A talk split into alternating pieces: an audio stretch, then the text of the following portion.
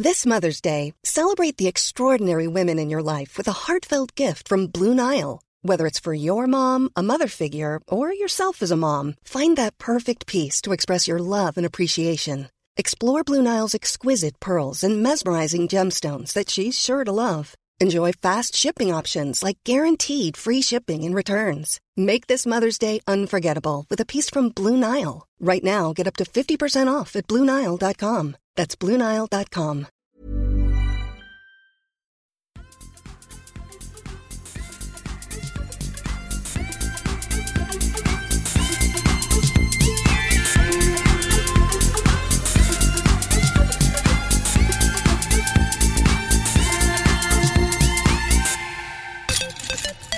Varmt välkomna ska ni vara tillbaka till ytterligare ett rafflande men alltså ångestfyllt avsnitt av Kedja ut en podcast om discgolf. Jag heter Tommy Bäcke och jag eh, spenderar de här trevliga stunderna tillsammans med min kompis och Norrlands snyggaste man Nicke Nyman. Hur mår du? Alltså, du får ju sluta med de här äh, snyggaste och hunkigaste och allt vad du hittar på för någonting. Ja, men, vad skulle folk tro om jag sitter och sa och här sitter jag med Norrlands största dravel. Hur kul hade det varit? Då hade folk tänkt äntligen talar han sanning, den där Bäcke. Du, är det något jag gör, då drar jag inte på, på sanningen, det kan jag säga. Ja, jag är inte Norrlands Inte när det gäller man. något. Nej, Jag sitter här och är lite glad i livet. jag. skarva lite emellanåt du. För, för typ en halvtimme sedan så var jag nära att mista det två gånger på samma cykelfärd. Från jobbet hem. Kommer på en sån här cykelöverfart. Vet du. Och på väg hem från jobbet så kommer en sån stort övergångsställe med cykelöverfart. Ska jag cykla över det? Vet du? Ja, då kommer en jävla bil som tvärnitar precis framför cykeln på mig. Och jag bara, vad fan är det för fel? Så jag hytte lite så med näven som man gör när man är lite arg. Då kliver den här idioten ur. Vet du. Står och ropar efter mig. Det var inte mitt fel att han inte hittade bromspedalen. Vad sa han då? Han vrålade, jag hade hörlurar i. ja. Så jag sjöng glatt vidare på sången. Säg inte kommer- nej, säg kanske, kanske, kanske. Sen fortsätter jag rulla ner. Så här, vi har en jättelång backe som går uppifrån där jag, bo, eh, där jag jobbar och så ner till stan där jag Mm. bor. Då är det någon eh, sate som ska svänga in på någon innergård där. Så han tittar ju inte. Kommer det någon cyklare, någon gångfartare eller vad heter det? Fotgängare. In där. Så han svänger ju bara in. Vet du. Så jag får ju väja ut med cykeln in på en gård och eh, liksom skrapa knät i taggbuskarna som är på vänstersidan. Och då passar det att bromsa. Och då tänkte jag, du, jag kliver av cykeln och går resten av vägen hem. Alltså, för nu jag orkar inte mer. En gångfartare. Fotgäng Fotgängare. En gångfartare. Det var ett nytt, ett nytt eh, ord. Men alltså, jag blev ju skärrad. Jag tänkte, "Ja, jag, ska jag dö innan jag kommer hem? Det tar åtta minuter att cykla från jobbet och hem. Har du cykelhjälm? Nej, inte idag. Jag hade inte det. Förlåt. Det borde jag ha kanske, men jag tror inte att Ja. han hade räddat min discgolfkarriär i alla fall om jag hade hamnat i en taggbuske och och något staket mitt på Haga. Spetsad på Haga, det är inte roligt.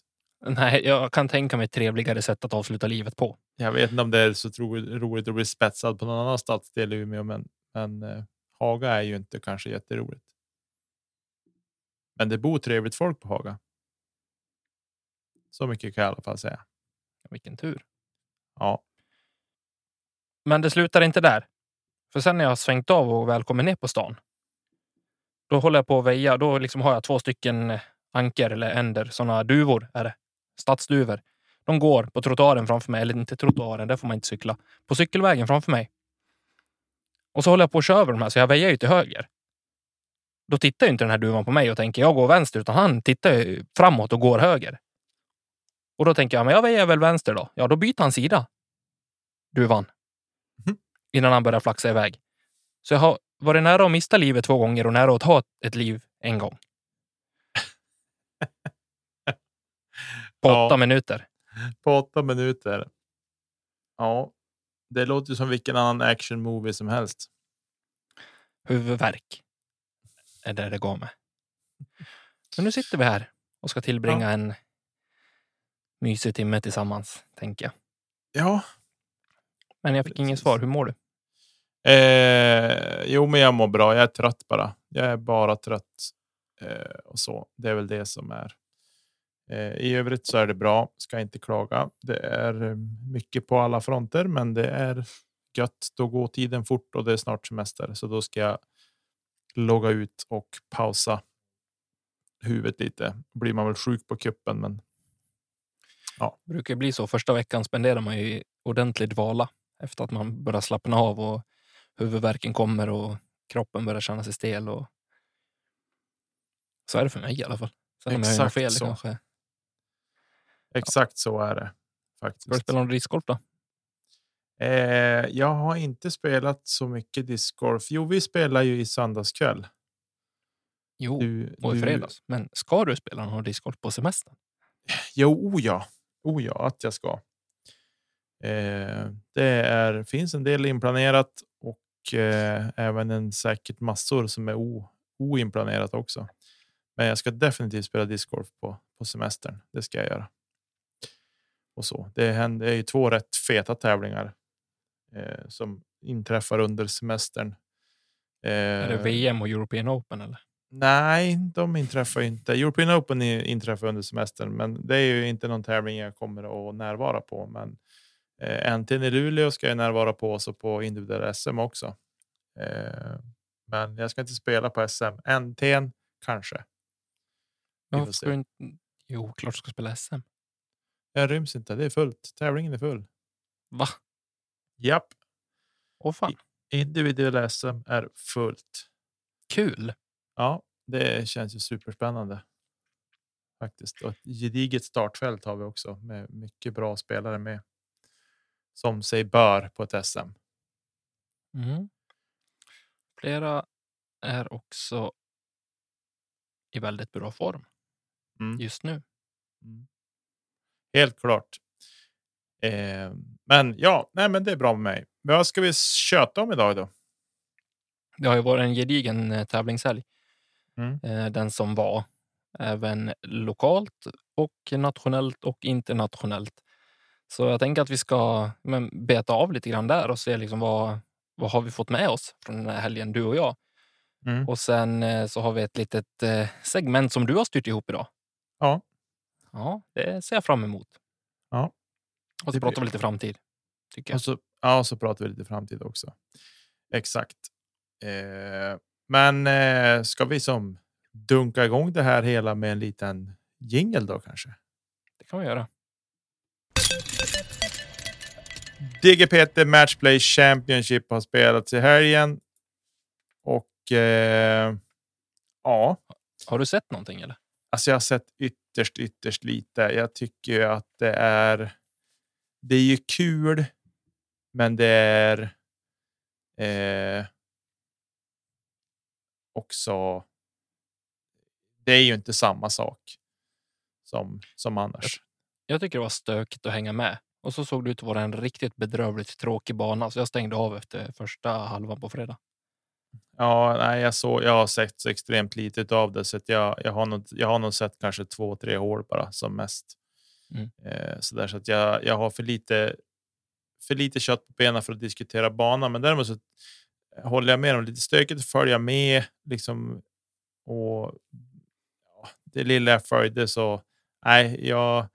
Det är kul med matchspel. Jag tycker att det är jätteroligt att spela matchspel själv och så där. Men Jag är helt enig, jag håller med. men det är lite svårt att följa med. Det hade nästan varit bättre att de bara hade bestämt sig för att Nej, men nu följer vi de här. Mm. Eh, Ja, men det var det man kanske framåt inte- där. Säga till mig själv så kanske jag inte la ner den tiden och energin på för att försöka följa det heller. Nej. Eh, Men ja, det är väl en upplevelse, en upplevelse. Sen kunde jag absolut ha gjort mer för att både förstå och hänga med och, och följa upp. Liksom. Ja, exakt. Eh, Största snackisen var väl egentligen att eh, Lisotte eh, kunde ha blivit rånad på, på segern. Det var ju något tjafs där från hans pool att han eh, kanske skulle ha gått vidare. ja, jag såg det Om var reglerna diskus- vore rätt. Jag såg att det var någon diskussion om om det där. Jag såg bara att att Joel Freeman hade vunnit fler hål. Eh, totalt sett och jag vet inte riktigt hur man. Jag tycker att vinner du matchen på färre hål så bör man väl vara den som har spelat bäst. Så tänker jag. Alltså, håldifferensen, alltså målskillnad för de som håller på med lagidrott, eh, var ju samma mellan Freeman och Lisotte. Ja, Var den. Men eh, då brukar det ju vara så, alltså i lagsport som jag har varit med i alla fall. Eh, då bör inbördes möte gå före.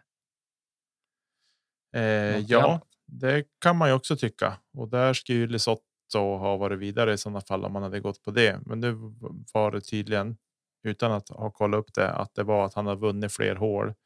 Ja. Eh, men, Men det blir lite så märkligt. Nu gick de på sidning efter, efter målskillnad eller håldifferens. Då. Ja, okej. Så Just det. därav gick eh, Freeman vidare istället. Men det blev en liten snackis och folk eh, tyckte väl kanske att han ja, att reglerna inte borde ha varit som de varit. Men de var tydliga när man hade läst dem. Nej, men då är det så. Det är lika för alla. Det är ju ingenting att, att, att lipa över. Så sen tycker jag väl att just i matchspel som kanske är Lesoths eh, hemmabana på något sätt också. Eh, Mm. Så. Så på så vis hade det kanske varit mer underhållande och följa det. Eh, Så jag hade tänkt att jag skulle se hans första runda på på lördagen, men vi var bortresta och det vart inte riktigt läge för det och gå undan för att titta någonting. Så Mm. det smygföljde lite grann på judisk bara. I alla fall så det var ju fyra stycken pooler och Gannon Burr, Kevin Jones, Joel Freeman och James Conrad var de som tog sig vidare från respektive pool och spelade semifinal. Eh, Kevin Jones slog Gannon Burr med 3-1 och eh, Joel Freeman slog James Conrad med 4-1 innan Mm. eh, Kevin och Joel Freeman möttes i final. Då. Och där så slutade det med vinst för Joel Freeman med 3-1. Så han vann MPO och tog därmed hem 10 000 dollar Mm. och lämnade hälften kvar till Kevin.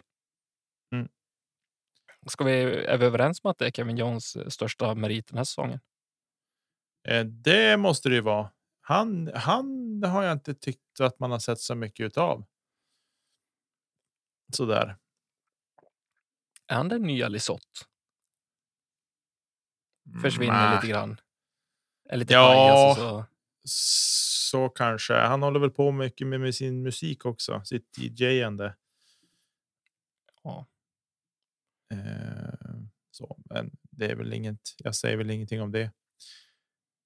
Eh, så nej, men jag tror inte. Nej, eh, Lisotte är unik. Eh, så tycker Ja, jag. jag, jag menar inte liksom att göra dig... Nej, men upprörd. nej, jag fattar. Nej, nej, nej, nej, jag är inte upprörd det minsta lilla. Men jag menar bara på att han är unik på på. På alla sätt. Mhm. Så Såklart.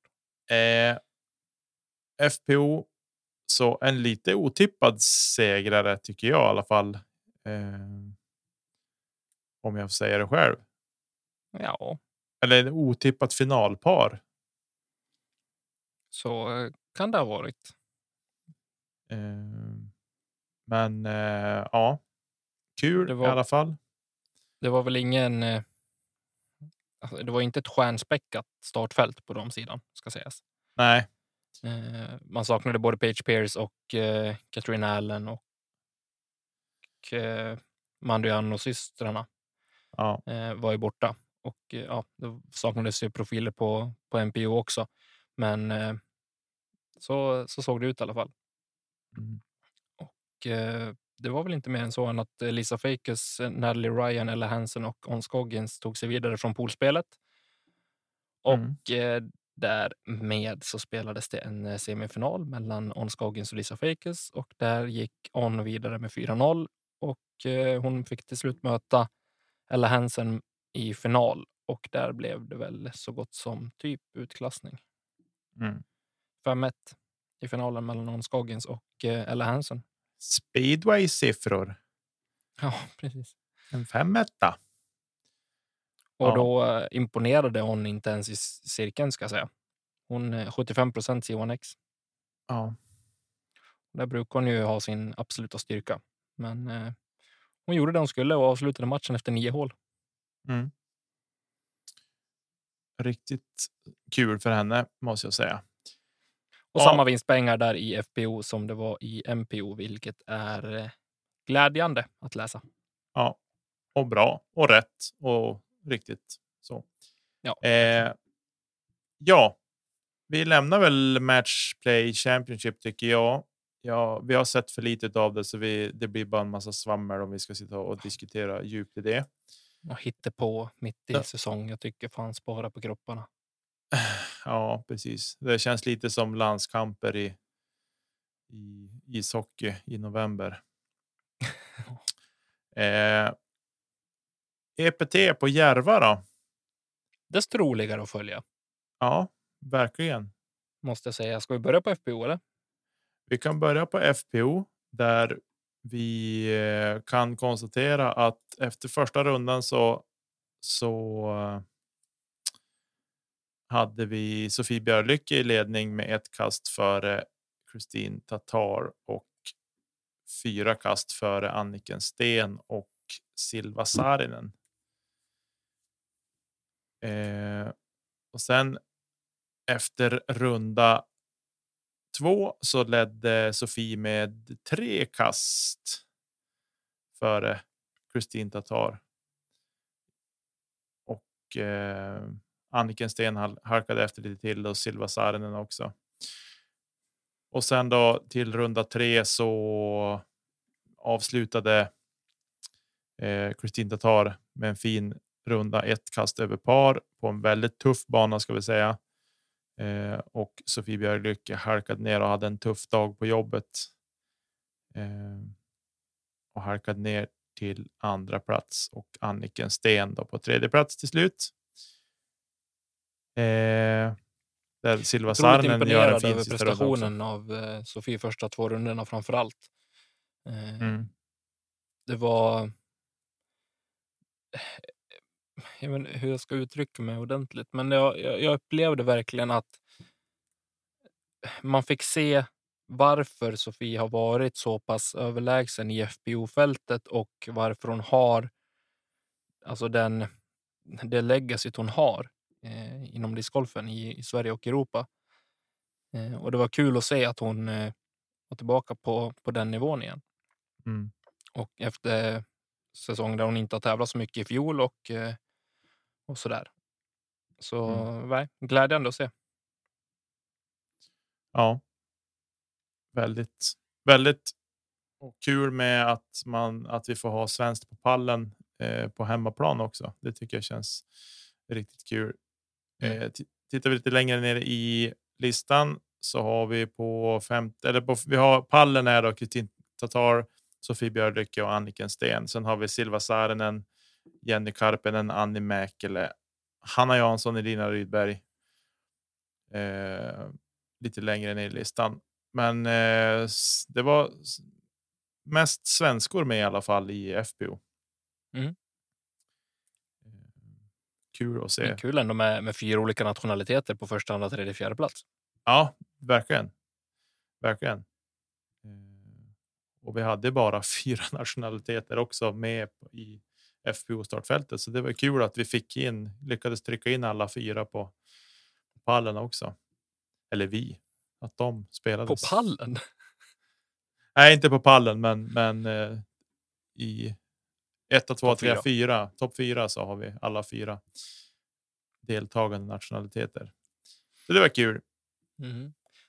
På här sidan så vet jag inte vad riktigt som händer. Fan, de är bättre än oss i skidor och de har precis varit bättre än oss i fotboll också. Och nu ta mig fan är de bättre än oss i discgolf också. Jag orkar inte. Norrbaggarna. Ja. Han har, det, alltså, han har ju det överlägset bästa och coolaste namnet i Europa. Han som Vem? vann. Håland. Knut, Knut Valen Håland. Håland, Håland. Nej, det är så skönt klingande namn. Jag är lätt avundsjuk faktiskt. Niklas Håland. Ja, kanske. Det är inte, inte just Håland jag är. Det är mer allt, hela sammansättningen. Knut Valen Håland. Ja, den är fantastisk. Jag ska säga på NPO-sidan där följde jag lite mer än vad jag har gjort eh, övriga. På det jag såg det man kunde se på, på damerna, men eh, här sidan har jag följt eh, desto närmare och eh, tätare. Eh, det som sticker ut var väl egentligen att vi hade en svensk på to- i toppen efter runda ett i form av Emanuel Bengts som Mm. eh, gick nio under par.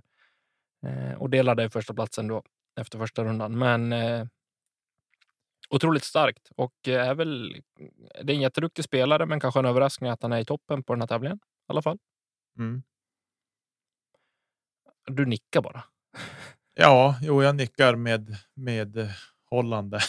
Ja, eh, men otroligt eh, fint att se. Eh, imponerande, verkligen.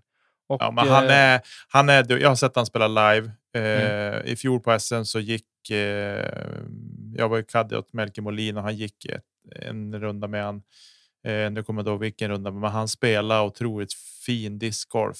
Mm. Eh, så kanske lite förvånande att han är, är uppe i täten så här, men, men ändå inte på något sätt. Alltså han, han, han fick ihop det till den här helgen och i år har jag inte sett honom och det är klart att han har ju utvecklat sitt spel sedan i fjol. Eh, med tanke på hur mycket längre deras säsong är också än vad vi har här uppe. Mm. Så, där, så att, eh, otroligt roligt att se honom lyckas på en sån här pass stor scen som verkligen. det faktiskt är. Han eh, följde upp eh, första rundan med en tyngre runda, runda två, men avslutar otroligt starkt igen med sjunde par sista rundan, vilket gav honom en delad tredje plats i Mm. totalen. Och det är ju att spöa övriga svenskar med hästlängder. Tio placeringar för eh, näst bästa svensk Henrik Hagman. Mm.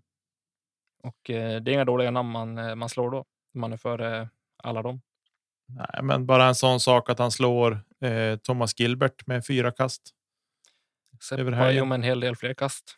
Ja. Eh, så att eh, Väinö Mäkelä slår han med fem kast. Så att, ja, det är rätt tunga namn han har bakom sig. Och med det sagt så vill man ju säga stort grattis till Emanuel Bengt för en fint genomförd tävling. Verkligen. Eh, Men som du var inne på, Knut eh, Wallenhållan vinner ju två kast före Niklas Antila på en andra plats och eh, tredje platsen är också norsk. Öyvind Jarnes. Mm. Precis. Det är det. Eh, kul med lite internationellt besök från Kanada. Thomas Gilbert, du nämnde honom, men eh, vi fick se honom på feature card första rundan tillsammans med Seppo Pajo, Mm. Josef Berg och nu glömde jag Ja. bort den sista. Var. Det var en annan. Ja, det var Nej, det var? Blair Örn. Ja, Blair Örn var det, precis. Islänning är han väl, va? Ja, det stämmer jättebra. Eh, Ja, det var väl egentligen det på, på här sidan. Kolla coverage, det finns eh, post. Så trevligt att se att det spelas discgolf på Järva på den här nivån igen. Mm. Det var, var väl typ 2016 senast det var internationell tävling. Var väl Masters 2016. ja. Jajamän, jag kan inte påminna mig att det var någonting efter det. Nej, inte ja, någon tävling av den här digniteten i alla fall, Nej. vad jag kan minnas.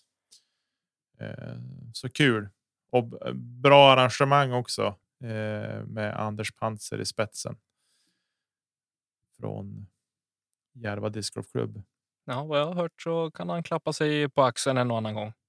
Mm, Det har de löst bra. verkligen. Ja, men ska vi lämna Järva? Japp, och så bara tar vi flyget till Umeå. Och eh, Ja. ni som inte vill höra det här lokala, ni får bara svänga med ändå, tänker jag. För vi spelar tre dagars event och då tycker jag vi lyfter dem. Nej, två dagars event med tre runder är det. Ja.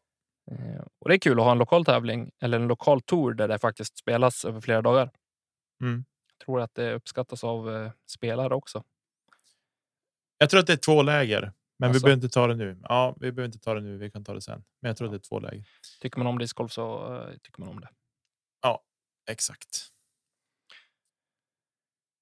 Eh, ja, nej, men det var. Vi kan väl börja rulla neråt i listan och eh, titta. Vi hade en junior med.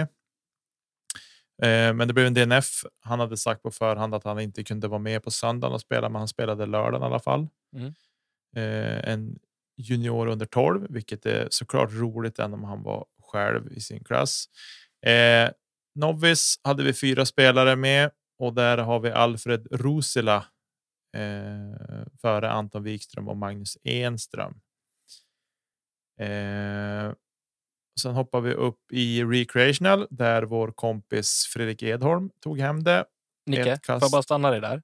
Ja, Kommer du ihåg för två år sedan när vi hade en klinik och Fredrik Mm. var där? ja, Vi har format en vinnare du och jag. ja. Ja, alla- i alla fall han själv har då jobbat med det vi har gett. Men de Nej, det här är coachseger. Det här är. Hade inte Fredrik varit hos oss 2020, då hade han aldrig vunnit. Och det tror jag han håller med om. Ja, Nej, skämt åsido. Stort grattis Fredrik. Eh, välförtjänt. ja. Eh, och så har vi Tor Bergström på en andra plats och Johan Mogren och Niklas Grandin och Anton Jansson på en delad tredje plats. Johan Mogren som smällde till med ett ace på hål 14 på I20 under lördagens första runda. Mm. Eh, sen har vi i Intermediate där Per Holmlund Wiklund vinner före Filip Lundmark och Mattias Lindberg. Det stämmer. Och eh, jag gick med det här kortet leadcard på sista rundan. Eller leadcard, det var, vi saknade ledaren för han gick tydligen med en eh, open-grupp istället. Eh, Adam Falk ledde efter att ha gått en, en första runda på I20 på nio under par och det hade väl placerat honom tvåa i openfältet tror jag. Eh, tyvärr höll det inte hela vägen utan eh, som du sa, Per tog hem det före Filip och eh, Mattias. Men jag gick med i den här gruppen och vilka jäkla armar! Mm. De eh, ja, diskar flög hej vilt och det var långt och det var i rätt riktning. Det var en fröjd att få, få gå med. Jag bar väskan åt eh, vår kära vän Kristoffer Lindqvist som eh, ja, jag måste säga kanske i dagsläget är en av Norrlands bästa puttare. Ja, ja, vi gick ju med han på söndag kväll. Eh, sen när vi spelade en sen runda och eh, han puttade ju som en kung då. Eh, vilket var kul att se. Men han sa ju själv att han eh, gjorde det inte lika bra under tävlingen på dagen.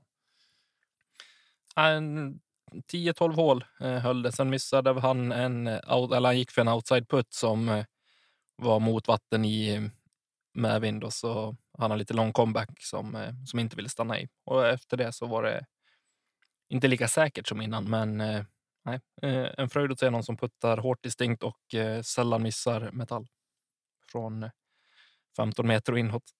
Ja, nej, han har väldigt fin putteknik. Eh, om vi hoppar till vidare till FPO så vinner Lovisa Kertu före Olivia Häggkvist och Loa Gilson och Therese Wembro. Loa och Therese på en delad tredje plats.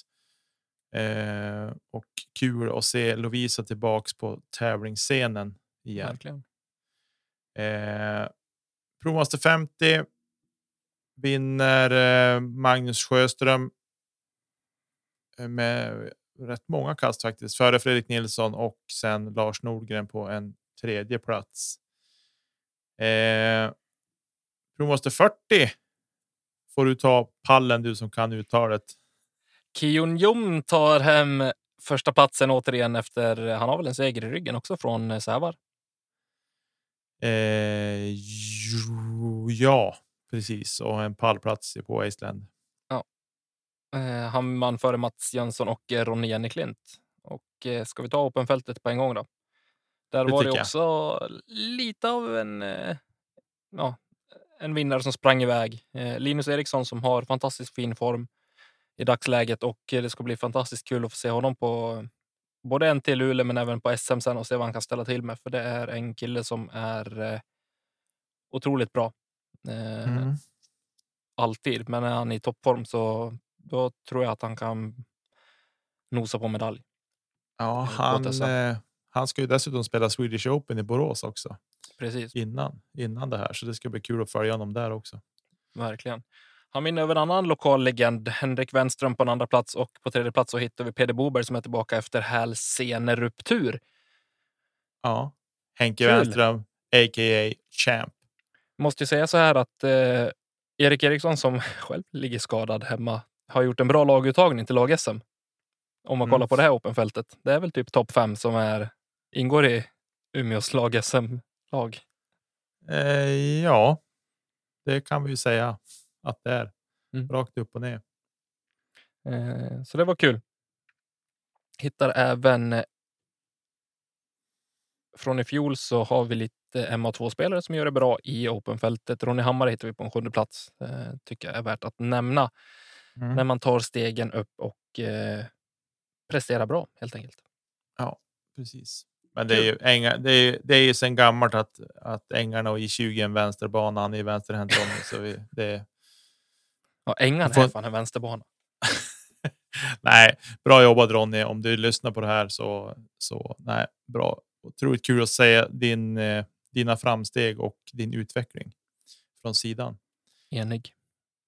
Ja, vi lämnar VBT 3 från Umeå och hoppar vidare i avsnittet. Ja du Tommy. Nu är vi framme vid eh, ett roligt segment. Jag är nervös. Du låter så allvarlig. Nej, det är så här. Segmentet heter Nickes frågestund med Tommy. Jag har Originellt. Ja, ja precis. Jag har plitat ner fem ja och nej frågor som du ska svara på och sen ska vi diskutera kring frågorna. Mm. Eh, Diskuterar vi direkt efter första frågan eller ska du svara på alla fem och sen diskutera? Eller? Nej, vi Nej. diskuterar direkt efter första. nej, vi, vi, vi tar. Eh, det blir inga långa diskussioner Nej. tänker jag så att det blir så det drar ut för mycket på tiden. Eh, och var inte för snabb att svara ja eller nej. Eh, Nej. Utan det kan vara som ett tillägg till frågan för att förklara den lite också. Ändå. Mm. Absolut. Eh, den första är ganska enkel. Tyck, tycker jag. Mm. Är diskmarknaden mättad av molds? Finns alla diskar som behövs? Mättad antar jag att du menar. Ja, mättad. Ja. Ja eller nej? Fem, fyra, tre, två, ett. Ja, Okej. Jag håller med. alltså för att berätta lite grann hur jag tänker. Ja, absolut. Det är därför vi ska prata. Jag tycker att någonstans. Jag tycker inte att marknaden är mättad på aktörer någonstans, utan vem som helst borde få eller ta möjligheten att kliva in och, eh, och slåss om det. Men jag tror att det är svårt att komma med något nytt revolutionerande. Det senaste som har dykt upp egentligen som det är väl eh, luft från Danmark, va? Mm. eh, som har tagit fram inom situationstecken världens rakaste putter Eh, och försökt göra det till en grej. Jag vet inte hur det har slagit, liksom om de har överträffat sig själva med försäljningen på den varianten eller lyckats med den marknadsföringen. Eh, men de har ju någonstans följt upp det också med att eh, släppa, ja, men, nu citerar mig inte på det här, men typ världens längsta disk. En Speed 14 eller, eller om det är världens första Speed 15 driver som är formad på något speciellt sätt i rimmen för att den ska svälja lite luft och gå väldigt långt utan så mycket effort. Mm. Eh, och jag vet inte hur mycket man, alltså. Det är ju fysik liksom. Diskarna beter, alltså, beter sig olika beroende på hur de ser ut och jag tror att vi har hittat liksom. Rent krast så kan du göra väldigt mycket med väldigt få diskar. Mm. Jag tror att så som marknaden ser ut nu så är det mycket. Jag gillar prylar, jag vill testa det här och det är någonstans. Det som man som företag eller aktör kan dra nytta av. Mm. Och jag, jag har svårt att se att som sagt att det ska komma någonting nytt som är revolutionerande, men jag välkomnar mer än gärna nya aktörer som vill försöka och liksom erbjuda ett nytt varumärke. Jag tror att det är mer som kan ske kanske på plastsidan då. Att man eh, hittar men nya plastblandningar. Man, ska man väva in miljötänket i det hela så kanske man behöver hitta en mer, eller en mer hållbar produktion. En, eller ett material som fortfarande är tillåtet att tävla med men som kanske inte har lika stor miljöinverkan Mm. utan att ha någon data eller belägg för att det är skadligt eller icke skadligt. Mm. Men du kanske hänger med på resonemanget. Ja, det gör jag. Men just moldmässigt som du var inne på så ja, jag tror att det är. Eh, det är fyllt allt man behöver. Ja. En överstabil, en understabil och en rak. Ja, precis. Bra, då är vi inne där. Eh, är det dags att överge PDGA i Europa?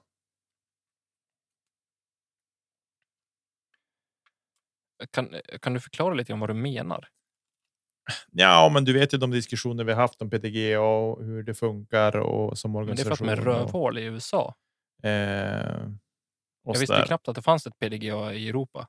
Jag visste det, men alltså då var, märks ju inte av mer än på Eurotour-tävlingar. Det är väl de som drar och sköter det. Eller?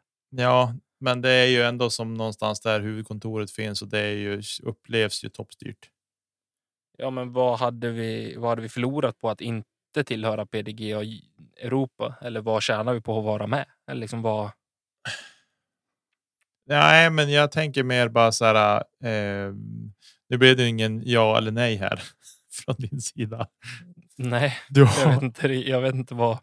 Jag saknar kunskapen och eh, belägg för ja, men jag tänker att skulle, skulle, vi, skulle Europa kunna ha ett egen, en egen spelarorganisation? Jag hade velat se någonting liknande idrotten i sett i hela discgolfen i, i världen. Jag vill inte att det ska vara. Jag vill ha ett någon typ ett förbund som styr.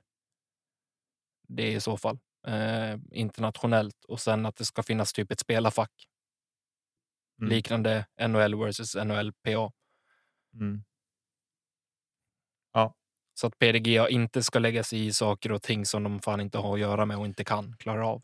De ska ju kanske fokusera på det de var tänkta till att vara från början. De kan anordna majors, de kan anordna ett VM, men eh, sen livet. Mm. Gå inte in och håll på med egna scorekort eller gå inte in och styr och ställ med folk vad de ska tycka och göra på olika tävlingar och så vidare. Vi har ju sett debatterna liksom fram och tillbaka. Eh, inte minst mellan eh, dem och Page och eh, Brody Smith har väl haft en central del i, i debatterna mot dem också. Mm. Eh, och eh, ska det vara en spelarorganisation, då ska det finnas där för spelarna. De ska inte vara eh, ja, ute efter att göra pengar på det sättet i så fall. Ja. Förklara för mig gärna om jag har fel eller resonerar fel, ni som lyssnar också. Eh, jag saknar som sagt hela bilden och kunskapen, utan jag ser bara det som syns utåt. Liksom. Precis. Eh, Slopa ratingsystemet också eh, skicka in till oss vad ni tycker på kedjautet gmail.com eller på ett DM på Insta om det är så. Fråga nummer tre. Uno, tres, quattro, cinco, seis. Har vi för bråttom i Sverige i våra försök att göra sporten mer professionell? Och då menar jag för bråttom på så sätt att klubbarna och organisationer hänger inte med. Eh, nej, Okej, jag, jag tror att någonstans behöver vi också hänga med övriga världen och hänga med liksom sporten internationellt. Men vi behöver kanske välja ut de delar vi väljer att eh, satsa på. Dels lägga pengar på, men framför allt energi och ideell kraft. Mm. Eh, jag upplever att till exempel vill vi ha spelare eh, som är med och tävlar internationellt, då behöver klubbarna kanske se till, alltså de drivs av ideell kraft till mångt och mycket. Eh, men ha, om vi har en klubb som har duktiga spelare som är lovande och kommer upp från typ junioråldern, då tycker jag inte att man ska lägga över allt ansvar ekonomiskt på eventuella aktörer som ja, men, olika varumärken och så här för att de ska sponsra med pengar. Eh, jag tycker någonstans att som klubb ska du stötta dina medlemmar oavsett om det är för att eh, hålla din lokala bana igång eller kanske till och med försöka skicka ut dem på vissa spelare på, på större uppdrag för att dels få reklam för klubben och synas eh, på ett, i en större, ja, ett större perspektiv. Eh, men även att liksom ja, stötta duktiga spelare. Mm. Eh, Jag tycker att landslaget har gjort det jätte, jättebra. Måste jag säga. Alltså uttagna till en, en landslagstrupp och eh, till de samlingarna som har varit eh, när de har haft gemensamma samlingar på som de har varit på. Att det inte har varit liksom en, en satt landslagstrupp att de här åker och spelar EM till exempel, utan att det faktiskt finns lovande spelare som man ser gör det bra. Eller att det nödvändigtvis inte är de tio högsta ratade spelarna som åker dit, utan att man faktiskt ser potential i de spelarna som, eh, som vill, som brinner och man ser en utvecklingspotential i. mm. Och att de får chansen att göra någonting sånt där. Det tycker jag att eh, eh landslagsledningen har gjort riktigt bra. Ja. Precis. Nej, men jag, sånt, men jag tror att vi behöver bryta ner det lokalt också. Ja, precis. Eh, jag tror att. Eh, det är ju fantastiskt roligt det här med att sporten har vuxit så mycket under den här pandemin, alltså att man försöker se ljusglimtarna som har varit under det. Den tiden, den här tiden som har varit nu känns det som att nu är vi som i slutfaggorna av det här, eller den är kanske rent, rent av redan förbi här i Sverige. Mm. Eh, man hör extremt lite om den i alla fall. Eh, jag tror alltså. Just det med att, alltså, att vi har, kan ha för bråttom med att göra sporten professionell i Sverige. Det handlar kanske inte. Nu valde jag att gå in på spår, alltså spela spåret, spelarutveckling. mm, Och det. Sen handlar det också någonstans om att ja, men, göra kanske tävlingar mer professionella eh, och att klubbarna blir mer professionella gentemot sina medlemmar, gentemot förbundet också. Jo, och det är dit jag vill komma. Att, att där klubbarna, klubbarna och förbund har inte hängt, alltså hunnit med ska jag säga. Nej, Det har inte varit en fråga om att man inte vill, utan mer att man har inte hunnit just av den anledningen att det drivs av ideella krafter. Mm. Eh, så och därav menar jag att liksom, ja, men ska vi ska vi backa lite på på eh, att gör, höja nivån på allting. Ja, men som nu till år så är det ju. Vi kan ju säga att det är ju i princip ett helt nytt koncept på alla förbundstävlingar i år em, jämfört mot i fjol. Eh, och det är det jag menar att det är ju på något sätt ett steg till att försöka göra den, lyfta den på så vis på ett mer professionellt sätt. Mhm. Eh, men är vi redo för det? Det är lite dit jag ville, ville komma. Men pratar du vi som i svensk discgolf eller pratar du vi som i förbundet eller vi som i klubbarna? eh, ja, alla tre egentligen. För där kan Eh, jag någonstans tycka, om du var inne på, på förbundstävlingar, eh, då kanske man, alltså vill man göra sporten mer professionell på alltså tävlingsnivå, då behöver man kanske se, okej, vilka klubbar klarar av att hantera det här ansvaret och hantera den uppgiften mm, eh, när det gäller att anordna tävlingar och så vidare också. Mm. Att vi inte bara kastar ut det på vem som helst. Det kommer vara skitsvårt beroende på hur långt klubbarna har kommit i, ja, men i sin både vilja och eh, ideella kraft eh, till att faktiskt kunna hjälpa till och anordna en sån. Och så liksom, där behöver kanske förbundet formulera okej, vad, vad är viktigt? Vad vill vi och vilka kan uppnå det? Och med vilken eh, kvalitet kan vi genomföra det? ja, precis. Och det, och det här är ju en balansgång att en jättebalansgång och det är skitsvårt. inte rusa fram för fort heller. Men jag, jag håller med i, i, i det du säger. Eh, och det är en otroligt intressant frågeställning man skulle kunna prata om eh, jättelänge. Men för att hoppa in på fråga nummer fyra. Eh, det, vart ett otroligt seriöst segment det här. Jag hade hoppats på att det skulle vara roligare, men det vart kanske lite för seriösa frågor. Men så här. Ska individuella SM och då gäller det ju även master och junior SM eftersom att de är ju individuella också. Samt även NT'n. Vi plockar alltså bort par och lag SM ur de här. Eh, de, den tävlingstypen är lite annorlunda eh, än mera vanliga runder. Eh, spelas på samma banor varje år de närmsta fem åren. Och det här har vi varit inne på tidigare någon gång. Vad sa jag då? Alltså, spont rent spontant, nej. Tycker jag inte. Nej. Eh, ett SM. Kanske, men jag tycker någonstans charmen med NT är att få se större delar av discgolf Sverige. Mm. Eh, och säga att ja, men hade legat som i år att vi har haft NT i Luleå, NT i Helsingborg, Onsala och eh, Västerhaninge. Västerhaninge. Jag tror att spelarmaterialet har blivit mätt på den eller på det. Sen vet jag inte, ett svenskt mästerskap. Ja, men då är vi inne på den frågeställningen som vi hade sist när Mattias Nilsson var på besök. Ja, men behöver svensk discgolf en inom situationstecken nationalarena? Mm. Ska det vara Järva? Ska det vara gamla Ale? Mm.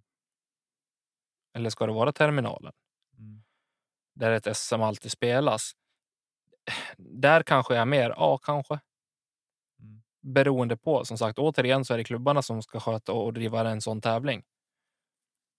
Har man råd som klubb, alltså inte råd bara ekonomiskt utan även energimässigt, medlemsmässigt eh, och eh, vad heter det? resursmässigt att, att göra det på en femårsperiod Mm. i det här fallet. Eh, jag vet inte. Nej. Det är, det, det, är en, det är en jättebra frågeställning och framförallt svår eh, frågeställning. Eh, mig personligen som spelare, jag ser gärna att spelas på olika tävlingar. Eh, I alla fall NT. Mm. Eh, ett SM kan jag absolut bli övertygad om att spela på samma plats eh, fem år i rad. Men eh, då ska det vara på en anläggning där det finns allt. Liksom. Eh, om vi då Järva-terminalen. Ja, om vi då tänker så här. Om vi säger så här, om NT skulle utökas och bli dubbelt så stor så skulle det vara åtta deltävlingar. Yep. Eh, och då kan man ju välja och vraka lite mer. Man behöver, nu är, Mm. liksom, är det fyra, vilket gör att som i ditt fall, jag vet att du har ambitionen att spela alla tävlingar, alla NTs. Eh, att då blir det lite mer fokus på att se till att ta sig till de här fyra tävlingarna som är. Om man, skulle, om man skulle ha fler tävlingar, man skulle kunna få eh, jag spekulerar bara nu, men liksom att man skulle hitta åt kanske åtta klubbar. Men vi vill vara med. Vi vill bygga den här touren tillsammans. Vi vill göra någonting bra av det här för svensk discgolf. Mm. Eh, och att nationella touren i Sverige blir åtta TL-tävlingar istället för fyra. Med en kanske en tourfinal i Helsingborg i slutet på september eller någon, annans, någon annat ställe i södra Sverige som har en betydligt längre sommar. I slutet på september hos oss så kan det vara snö. Har ju sin charm det också. Ja, jo, men ändå inte. Men förstår du hur jag tänker? Liksom. Absolut. Man skulle kunna ha en tidig tävling i, i Malmö eller Lund på någon av banorna där nere i slutet på mars också Mm. för att kicka igång säsongen.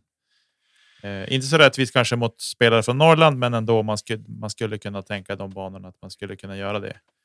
Eh, Alltså, den här frågan måste ställas till, eh, till svenska discgolfspelare eller till de som kan eh, delta på, på en NT. För att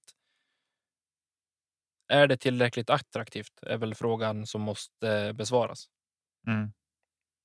Precis. Eller är det att de, de andra torerna, nu har vi liksom, nu har det ploppat upp tre nya torer i närområdet kring Sverige i år. Mm. Eh, vi har Swedish Disc Golf Pro Tour, vi har European Tour och så har vi European Pro Tour. Eh, och det är ju inga små drakar att konkurrera med heller. Ska sägas. Eh, men det var en, en, eh, en eh, spekulationsfråga i alla fall. Mm. Eh, kring det. Och jag vet att det är svårt att säga. Jag är lite inne på det, liksom att det här med individuella SM, man kanske ska haft en nationalarena eller vad man skulle säga. Eh, Jag säger inte att man ska det. Det var bara en fråga som lyftes. Jo, men jag tänker att det skulle kunna vara ett sätt att för att klubbar och liksom att vi ska kunna hämta oss ordentligt. Kanske Eh, lättare att hitta ett långsiktigt tänk på det sättet också. Eller lång, en långsiktig plan för vad man vill, vill göra varje år. Sen finns det ju de anläggningar där du har flera slingor. Jag menar, jag ser inga problem om man skulle köra ett SM på terminalen där du spelar två slingor ena året, två slingor andra året, den kombinerade tredje. Det finns ju många upplägg på det rent praktiskt hur, hur det skulle gå tillväga. Det är jag fel man att svara på. Mm.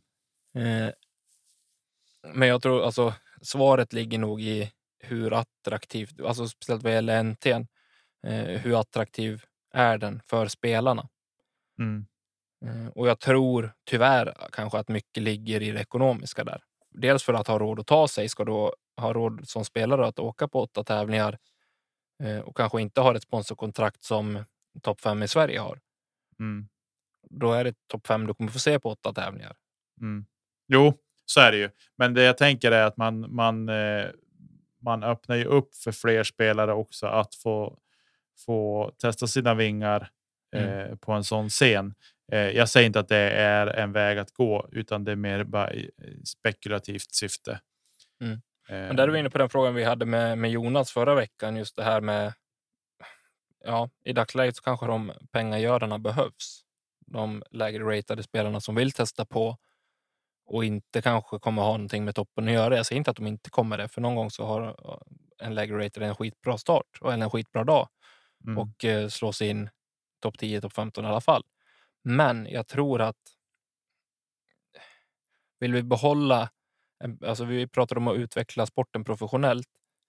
Jag tror att vill man göra det och ha en högre kvalitet på spelet, en högre kvalitet på eventen, då är vi tillbaka på den här fina balansgången som du var inne på i tidigare fråga. Mm. Och jag tror att frågan, undersökningen måste ske bland spelare. Ja. Bland spelarna i Sverige.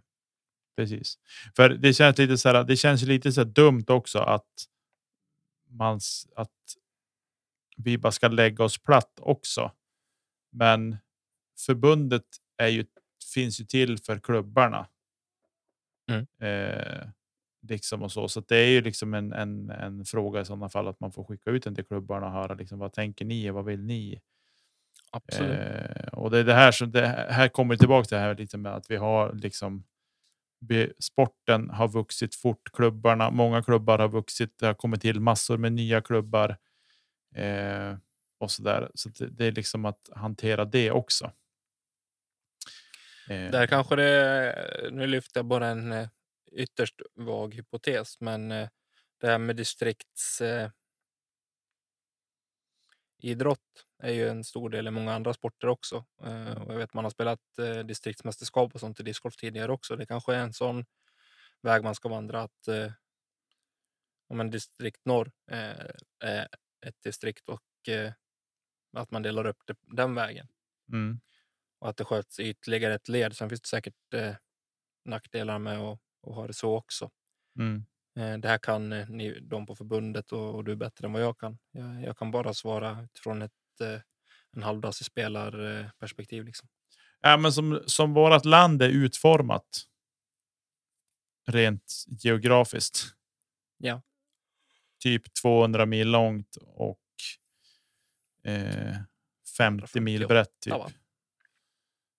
Ja, jag vet inte exakt hur långt det är, men det är långt i alla fall. Men om vi hade varit mer fyrkantigt så hade det kanske varit lättare att att eh, få ihop det rent så. Men distrikt absolut. Jag, jag gillar idén och eh, är inte alls främmande för att det skulle vara någonting man skulle införa. Framförallt kanske kring lagbiten nu när det har exploderat med Mm. kring lag-SM på det sätt som det har gjort.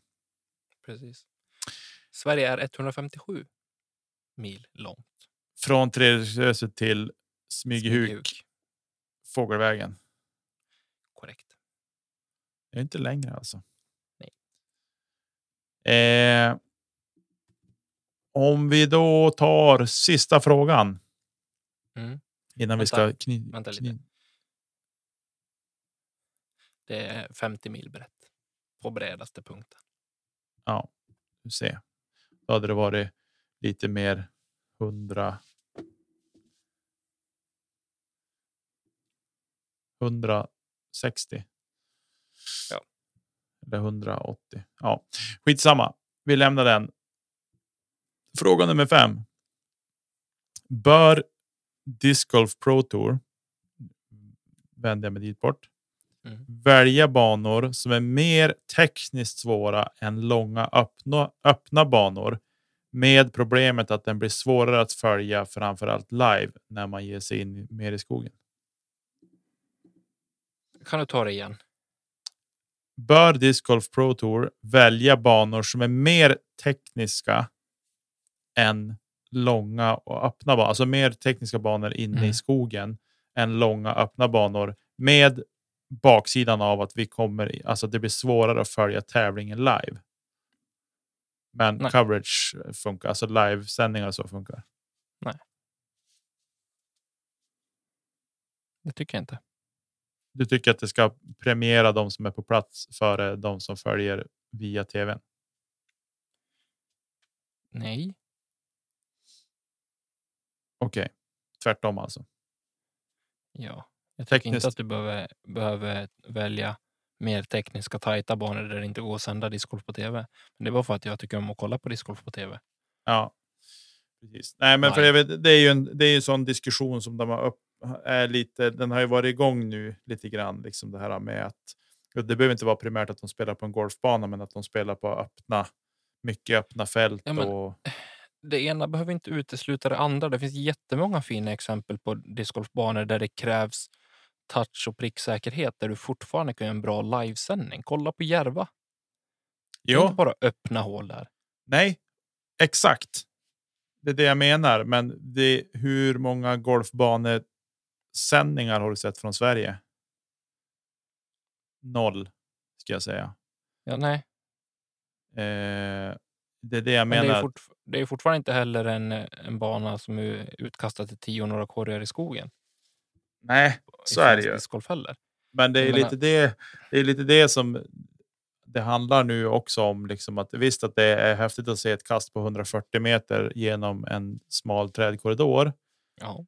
Men det kanske inte är just korridorerna vi behöver komma åt heller, utan det kan vara de här äh, speciella linjerna där du måste kunna forma kastet.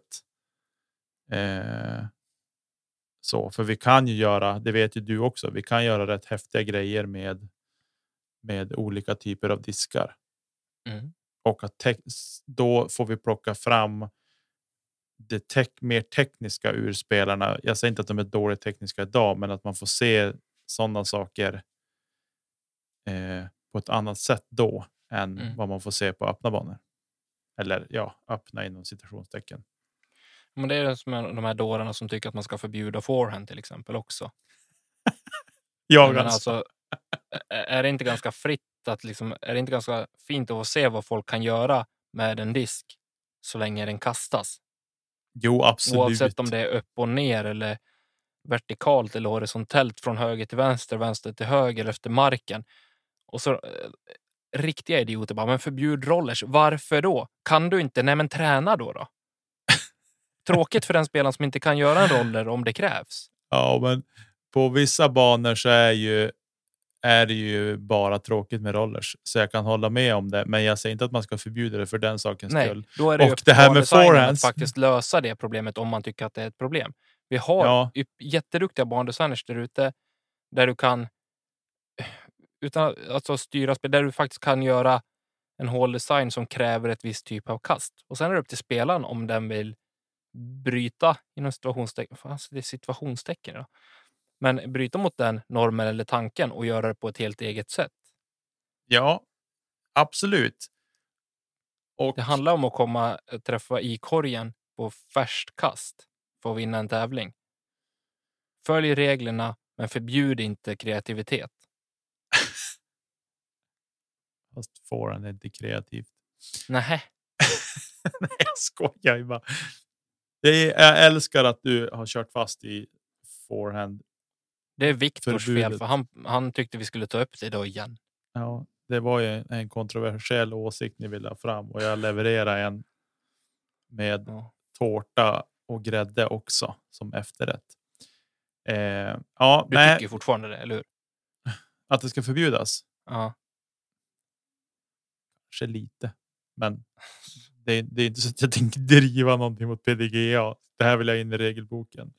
Det är ju skitcoolt att se ett turnoverkast också. Men Ja, jag kan tycker- turnoverkast med eh, forehand också. Jo, det kan man göra, men det är inte lika häftigt. Det var skitcoolt när jag gjorde det i söndags. Försöker minnas på vilket hål gjorde du det? Ja, 18 och 14. Funkar perfekt. Ja, Låg just lite det. närmare korgen än er alla andra. Ja, ja. Ja, det gjorde du i och för sig. Tack. Eh, ja, det var mina fem frågor Tommy. Men vad tycker du då? Alltså. Jag tycker att det alltså, ska bli. Jag tycker ju att att eh, absolut, det är skithäftigt att se folk kasta långt eh, på öppna fält, men jag tycker att det är svårt att begripa hur långt de har kastat också för att det är så öppet. Mm. Eh, däremot om man tar in det i skogen eh, och att det är lite snirkligt och lite. Eh, men typ. Men Maple Hill till exempel kanske eller vad heter den Blackwood? Dogwood. Black. Eh, sådär. Ja, alltså sådana typer av banor. Men de är ju helt urusla för livepublik på plats. Om man ser vad de tar för de här tourpassen som finns att köpa för att se, följa tävlingen live och komma in på banan och så. Så förstår man ju att de vill ha mera öppna banor för att kunna sälja in mer biljetter. För de drar ju in gode degen på, Mm. på biljetter på plats. Men Eh. också så här. Det finns tre jättefina exempel. Det finns säkert fler, men tre stycken som bara dyker upp i huvudet på mig. Eh, nu fyra till och med. Eh, på banor som har en väldigt bra håldesign på majoriteten av de hålen som fanns. Du har Ale som tyvärr inte är i drift nu. Där du faktiskt har eh, fina fairways i skogen. Samma Mm. sak i, på Serpent Hill i, i Luleå. Mm. Du går på en gräsmatta och du har träd runt omkring dig. Du kan inte bara kasta hur långt du vill fritt i luften för att det står träd i vägen.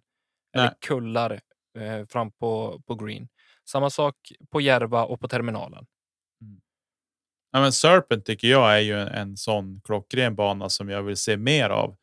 Eh, kanske inte de längsta och flashigaste hålen, men tekniskt utmanande.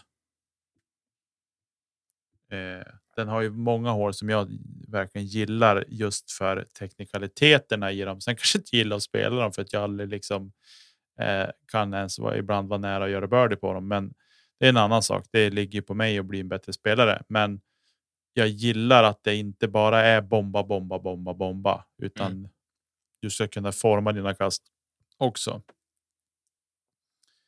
Eh, så att jag är nog mer. Jag är nog mer för eh, att tajta till det. Kanske inte. Du kanske inte ens ska behöva ha mer än distance drivers för överhuvudtaget. Det behöver sig inte de flesta proffsen nästan. De kastar så vansinnigt långt ändå med en fairway driver eller en mid idag. Eh, så, Nej, men, eh, jag hade gärna sett att eh, det fanns fler hål där du faktiskt behöver använda en distance på andra kastet. Mm, att Men- först ett placeringskast och sen. Ja, eller distance drive första andra kastet. Fler par fyra, par fem där det faktiskt krävs. Men också att du träffar dina linjer. Mm, ja, absolut. Någonstans Och det är ju. den goda blandningen är ju... Vi kommer inte ifrån det. liksom. Jag Nej. kommer nog... Det ska mycket till när jag förändrar mig. Jag vill inte ha en, upp en golfbana. Det är inte, absolut inte. Eh, men jag vill heller inte bara ha det snårigt i skogen där du knappt kan gå på fairway för att det är halva stubbar som sticker upp bara för att det ska vara tight. Det Ja, måste nej, vara nej, en, nej. en håldesign och på en, i en natur som faktiskt är omskött. Sen förstår jag, har man precis lagt en bana, ja då är det omöjligt att få till det på en gång. Men har man visioner, har man en plan med att faktiskt göra det återigen till de banorna jag precis nämnde, då blir det bra. Mm. Och det är därför de här banorna är, blir så populära. Det är därför de banorna blir omtyckta. Mm. Precis. Nej, jag håller med. I'm holding with. Som de säger. Over there på andra sidan pölen. I'm holding with. Ja, Bra. men du, ska vi kila vidare lite? Tycker jag. Då har vi till helgen som kommer. Eh, 2020 den bästa tävlingen tyckte jag. eh, The Preserve Championship. Eh, som spelas nu till helgen med start på Torsdag. to- nej, fredag. Va? Nej. Fredag. Är det tre dagars? En tre dagars i år. Jag trodde det var fyra dagars. Mids, midsommarafton. Do they not fira midsummer in USA? They don't fear the midsummer afton in USA. Eh, där vi har stjärntätt tycker jag. Ricky Wysocki kommer tillbaks. Gör comeback. Kul. Eh, får se hur han har rehabbat och lyckas hålla liv i puttningen och sådana saker. Regerande mästare också va? I eh, på Preserve. Ja, det är han ju. Precis. Det stämmer. Eh, Så det blir, blir kul att, att se hur han kan prestera. Lesotte med, Heimberg med, Palle med, Gannonburg, Kyle Klein. Ingen Eagle ser jag till. Eagle kommer. Jag, jag har inte, alltså Eagle har man inte sett någonting om Nej, i sociala medier eller någonting. hoppas han har bytt sin jävla axel. Det kanske han är. Så han kan La- komma tillbaka och kasta långt. Linus Karlsson är med. Mhm. Är det här sista tävlingen Linus gör innan han kommer tillbaks till Jag vet inte. Jag Europe? är varken hans manager eller tourledare. Så Va? Jag har faktiskt inget svar på det. Jag trodde du hade koll. Tyvärr inte. Tyvärr Vi inte. har även i FPO-fältet Kristin Tatar som har tagit eh, båten över Atlanten och eh, hon kanske tog flyget i och för sig. Eh, och är anmäld och ska spela tillsammans med Paige Pierce, Katrina Allen. Evelina Salonen är också tillbaka tillsammans med Henna Blomros. Så nu är det stjärnspäckat på FPO-fältet och jag är nog mer sugen på att kolla på det än på herrfältet faktiskt. Nu när jag ser vilka spelare som är där. Ja, det är väl ett väldigt fullt startfält på damsidan, vilket är såklart jätteroligt. Det eh, ska bli otroligt kul att eh, få följa. Helt klart. Kristin Tatar också regerande mästare på Preserve. Mm. Vad tror vi då? Jag tror att eh, Kristin tar hem det i FPO, MPO. Ooh. Ja, det är ju en bana som Lisotta spelar bra på tidigare, men att han skulle ta tre raka. Mm. Vadå, Det han vore fick sjukt. Inte matchplay. Nej, han fick inte med. Förvisso fick han det där, men det är ju som en annan typ av tävling. Eh, det vore ju sjukt dock om han vann den här också. Det vore Mm. ju liksom. Nej, hatten av. Jag Player of the säger- Year direkt. Ja, jag är enig. Jag säger Gannon Burr och eh, Evelina Salonen. Oh, Gannon, Gannon the Cannon. Ja, Kommer man ju få äta upp. nej då. Vad tror ni andra? Skicka ett mejl till kedjautsnabblagmail.com eller skriv till oss på Instagram vad ni tror om helgens eh, Preserve Championship. Följ det på Disc Golf Network Ja, live under helgen. blir nice. kommer också post coverage från eh, Jomes och eh, Gatekeeper samt eh, GK Pro. exakt. Ja, men gött då Bäcke. Jag tror att vi knyter ihop säcken där. Låter bra det Nyman. och så. Stort tack till Marcus Linder och Emil Lennartsson för jinglar, vignetter och grafik. Stort tack till alla Patreons. Er hjälp betyder mycket. Vi borde göra någon Patreon-grej snart. Ja, det Något tycker jag. Det Ja. tycker jag. Eh, och eh, såklart stort tack till dig som har suttit med och lyssnat så här långt i det här avsnittet. Och stort tack till dig Tommy Bäcke än en gång för den här veckan. Tack själv Niklas.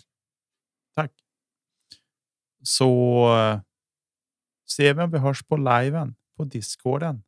Den har varit lite trött på slutet. sedan. Den har varit lite trött. Får se om vi kan sparka liv i den i, i helgen igen. Och så. Fira midsommar. Gör det på rätt nivå. Ta hand om er ute. Puss och kram. Hej då!